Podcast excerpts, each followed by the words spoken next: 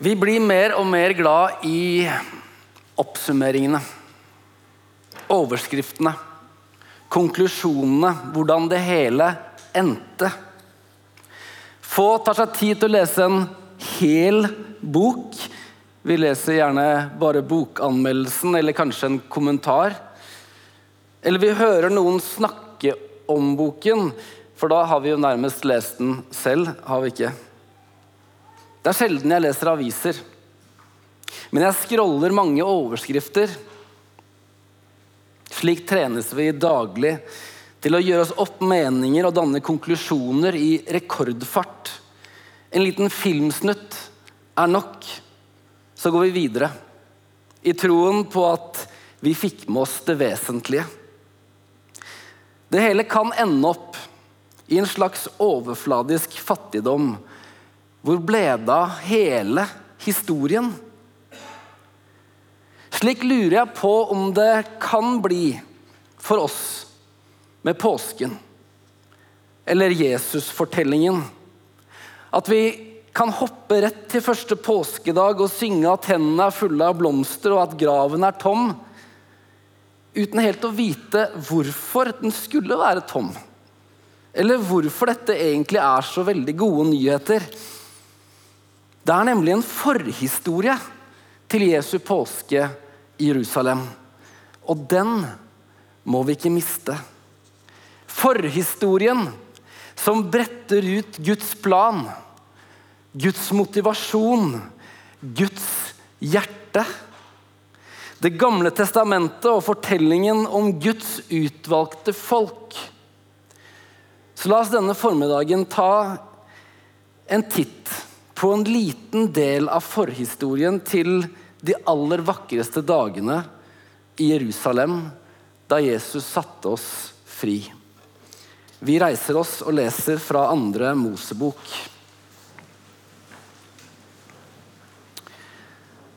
Da egypterkongen fikk melding om at folket hadde flyktet, kom han og tjenerne hans på andre tanker om folket.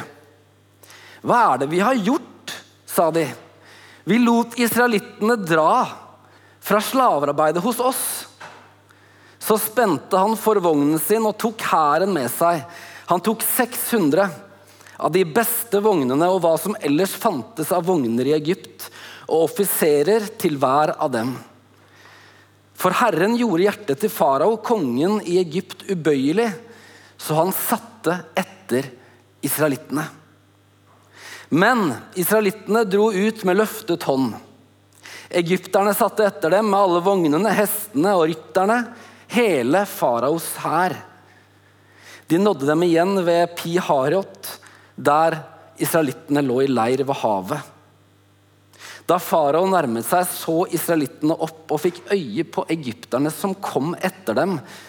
De ble grepet av stor frykt og ropte til Herren.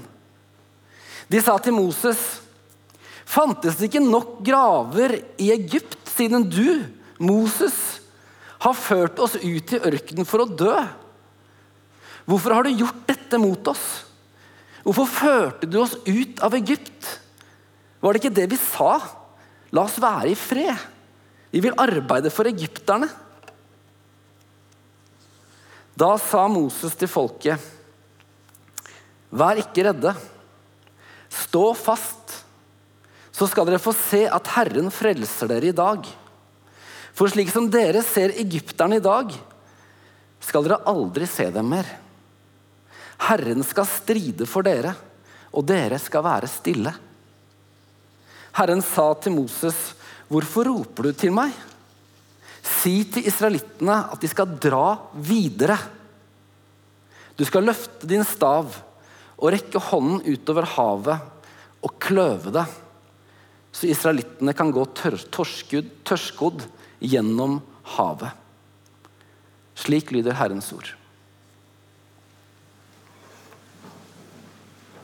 Israelittene hadde vært slaver i Egypt i 430 år. Endelig gjør Gud noe. Han kaller Moses han sender landeplagene. Han innstifter den første jødiske påsken og gir jødene instruksjoner om å slakte et lam og stryke blodet på dørstokken, så folket blir spart. Folket befris fra fangenskapet, fra slavetilstanden. Endelig kommer de seg ut av Egypt etter at Gud så sterkt har grepet inn i historien. Så kommer de til Det røde hav. Og der stopper motet. Der stopper lydigheten. De ser seg tilbake. De ser egypterne komme etter dem og snur seg mot Moses og Gud. Ved første hinder svikter de. De som hadde sett landeplagene og opplevd hvordan Guds dom gikk deres hus forbi, så begynner de å idealisere slavetilstanden. Vi vil tilbake igjen. Vi vil tilbake til Egypt. Vi vil heller tilbake til det kjente, til kjøttgrytene. Vi vil heller være slaver enn å stå her i ørkenen med faraos hær halsende etter oss. Og med ett fordufter all tillit, all lydighet, all tro til Gud. Fascinerende. Men jeg kan kjenne meg igjen. Idet jeg er i ferd med å forsøke å vende en uvane eller bryte med en synd i livet mitt. Idet jeg har begynt på endringen av noe av det jeg vet ikke er godt for meg. Idet jeg har starta med å ta tak i en vanskelig relasjon. Idet jeg begynner å kjempe med min egen svakhet og selvopptatthet. Idet jeg står foran det havet, foran endringen. Og selv om jeg vet at velsignelse er å finne på den andre siden, så mister jeg motet eller lydigheten. Vi vil tilbake til Egypt. Vi står foran et hav og så kommer vår egen skygge etter oss. Vi vet at velsignelsen ligger på den andre siden, men vi vender tilbake til det kjente, det vante. Vi kapitulerer til slaveriet. Er det ikke slik det ofte er hos dere? Idet vi ønsker å leve litt annerledes, ta noen andre valg enn alle andre, gå inn i noe som kommer til å koste oss noe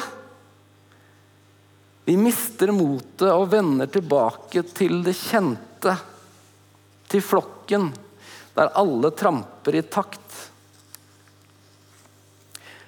Parallellen til denne historien er ikke vanskelig å gjenfinne i Jesu påske i Jerusalem.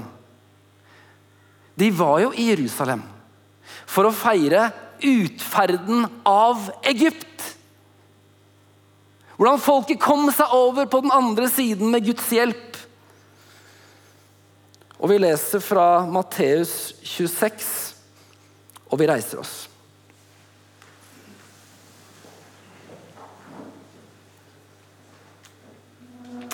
En av dem som var sammen med Jesus, grep sverdet sitt, trakk det og hogg etter øversteprestens tjener og kuttet av han øret. Da sa Jesus til ham, 'Stikk sverdet ditt på plass igjen.' For alle som griper til sverd, skal falle for sverd. Tror du ikke jeg kan be min far, og han vil straks sende meg mer enn tolv legioner engler? Men hvordan skulle da Skriftene oppfylles, de som sier at dette må skje? I samme stund sa Jesus til flokken, dere har rykket ut med sverd og stokker for å gripe meg som om jeg var en røver. Dag etter dag satt jeg og underviste på tempelplassen, men da grep dere meg ikke. Men alt dette er skjedd for at profetenes skrifter skal oppfylles. Da forlot alle disiplene ham og flyktet. Slik lyder Guds ord.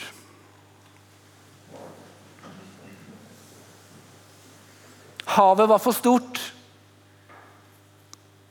Frykten likedan. Disiplene hadde sett alle undrene. De hadde sett alle tegnene, de hadde hørt alle undervisningstimene til Jesus. De hadde hørt han snakke om at vi skal til Jerusalem igjen og igjen. Likevel, da de så det som kunne minne om en egypter her, i overført betydning, soldater og rådsherrer i Getsemane, så forlot de Jesus. Alle sammen flyktet. De vil tilbake igjen til Egypt. Det er som om Gud gjennom hele Bibelen etter syndefallet roper til oss mennesker. Velsignelsen er på den andre siden. Idet han peker tilbake til Edens hage.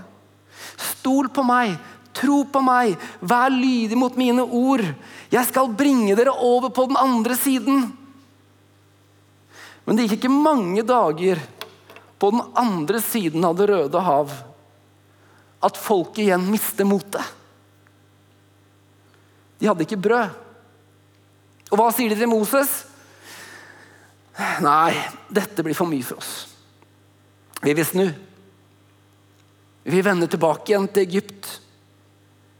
Til kjøttgrytene og slaveriet. Men Gud sier igjen ja, men velsignelsen er på den andre siden. Jeg skal føre dere til Kanans land. Og så gir han de brød. Er det ikke dette her Jesus sier til oss igjen og igjen? Bare det han står fram og gir oss tittelen for sin tjeneste.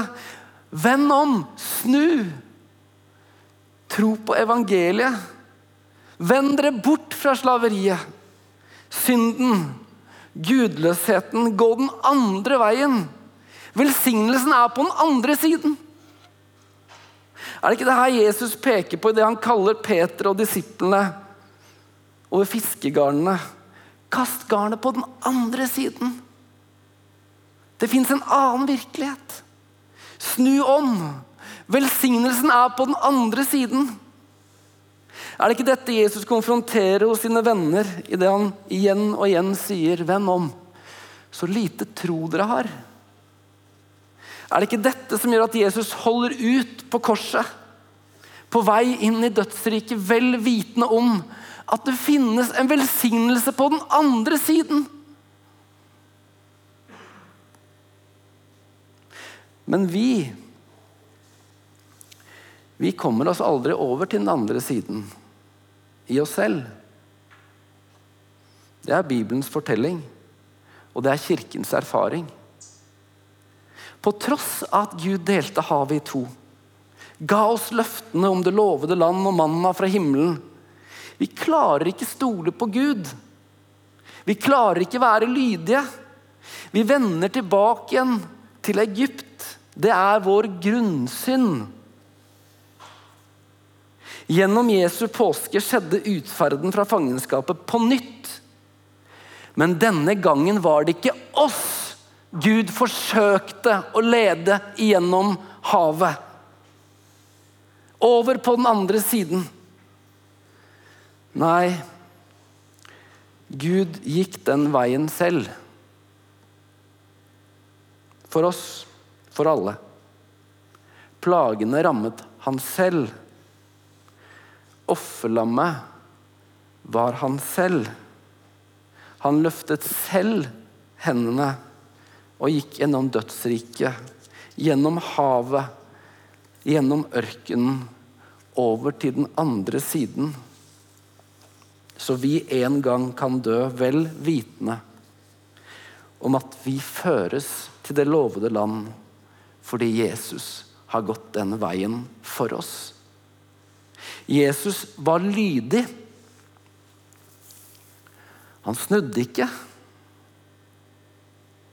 Han som alltid lytta til Faderens stemme.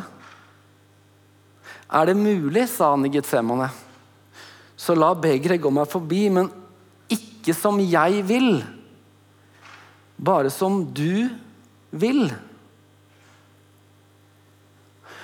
Og her er det mer enn nok nåde for deg og meg.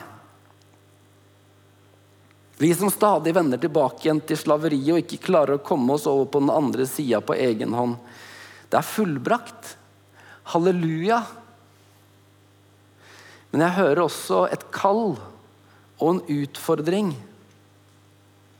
For kallet på den veien vi går på, lyder Velsignelsen er på den andre siden. Det gjelder ikke bare Jesus. Det gjelder også hans venner. Velsignelsen er på den andre siden. Vi lever jo i 2023. Og vi eh, skal eh, si nei til det vi ikke har lyst til, eller det som ikke passer oss. Vi skal si nei til alt som er smertefullt, som ikke følger planen vår eller malen i samfunnet. Alt som ikke oppleves komfortabelt, alt som ikke kler oss. Nei, jeg er ikke en sånn person. Nei, det er ikke et sånt liv jeg vil leve. Vi tenker vi kan forvente en utdannelse, vi kan forvente en jobb vi trives med. Vi kan forvente et godt bosted, mat på bordet, hytte på fjellet. Vi kan forvente å kunne følge våre lyster til enhver tid. Og hvis det er noe som ikke helt passer oss, være seg en lite stimulerende jobb eller et lite tilfredsstillende ekteskap eller en upassende graviditet. Så det er jo vi som eier livet. Tror vi. Ja, Vi blir nærmest beordret til å skulle lytte til vår egen stemme, og bare den. Vi skal kjenne etter. Hva er rett for meg nå? Vi skal prioritere det som gir oss noe tilbake. En gevinst, en lønn, en posisjon, en like. En slags illusjon. Et slags slaveri. I hvert fall en fallitterklæring til en allmektig og god autoritet som sier velsignelsen er på den andre siden. Det er et ord som slår inn i meg i møte med disse fortellingene. Og det er ordet lydighet. Smak litt på det. Lydighet. Gir det en bismak? For noen er det nærmest et ikke-ord. Et gufs fra fortiden. Lydighet. Kanskje går tankene tilbake igjen til gamle, enfoldige, mørke tider. Til lærere med spanskrør og ris på baken. Til pietisme og skremselspropaganda. Til misjonærer som måtte reise til Afrika og ta med seg kista om bord. Lydighet. Hele vår sekulære oppdragelse vrenger seg i opposisjon. Jeg, lydig ovenfor en annen enn meg selv. For oss som jobber med ungdommer, så er det jo fascinerende å erfare hvordan lydighet har blitt tatt ut av vokabularet. Bare spør en lærer på ungdomstrinnet. Lydighet. Huh. Skal vi lyde noen andre enn oss selv? Finnes det en autoritet?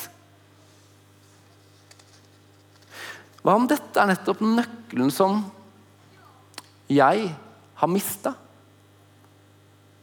Ikke lydighet til en tyrann eller en far eller mor med markeringsbehov. Ikke en kristendom drevet av frykt. Nei, men en lydighet til en god autoritet. Lydighet til han som eier livet, som ga meg livet. Lydighet til Han som har fredstanker for alle mennesker. Lydighet til Hans store og gode frelsesplan. Velsignelsen er på den andre siden, sier han. Er det, et, er det et fengsel vi snakker om her? Eller er det det mest frigjørende budskapet til et menneske i 2023? Står det ikke at vi skal bli som barn for å komme inn i Guds rike? Et barn som lyder sin gode mor eller far. Som ikke kan skjerme barna mot ondskap og motstand og ulykke, men som vil deres beste. Å være lydig når Gud kaller. Ut av slaveriet. Har vi mista det på veien? Har jeg mista det? Soper jeg bare kallet fra Gud inn i tåka med alle mine betenkeligheter eller planer som er lagt, eller drømmen om det komfortable middelklasseliv? Evangeliet om Jesus det er fortellingen om den frigjørende forpliktelsen til en som har større tanker enn oss selv. Som tar oss ut av vårt eget fangenskap. Som inviterer oss ut på vandring. Til nåden, til sannheten, til det lovede land. Det som er på den andre siden. En vi kan leve for. Han som har gått hele veien for oss, men som inviterer oss til å hjelpe han i hans store plan. Hvilken frihet, selv om vi vandrer i en ørken. Tillit til Gud, det er åpenhet for forandring. Åpenhet for å erkjenne Gud på nytt. En åpenhet for at vi innimellom står foran en sjø. Men vi trenger ikke frykte. Vi trenger ikke snu. For vi vet at velsignelsen er på den andre siden. Tillit til Gud er å omfavne det ukjente. Å omfavne et liv som ikke ble slik du hadde sett det for deg. Tillit til Gud er å overgi seg til fortellingen om at det ikke er oss det kommer an på. For det er Jesus som har frelst oss og tatt oss med på vandring mot det lovede land. I Hebreerne 4 står det Siden vi har en så stor øverste prest som har gått inn gjennom himlene, Jesus, Guds sønn, så la oss holde fast ved bekjennelsen. For vi er ikke en øverste prest som ikke kan lide med oss i vår svakhet, men en som er prøvet i alt på samme måte som vi, men uten synd. La oss derfor frimodig tre fram for nådens trone, så vi kan finne barmhjertighet og finne nåde å finne hjelp i rett tid.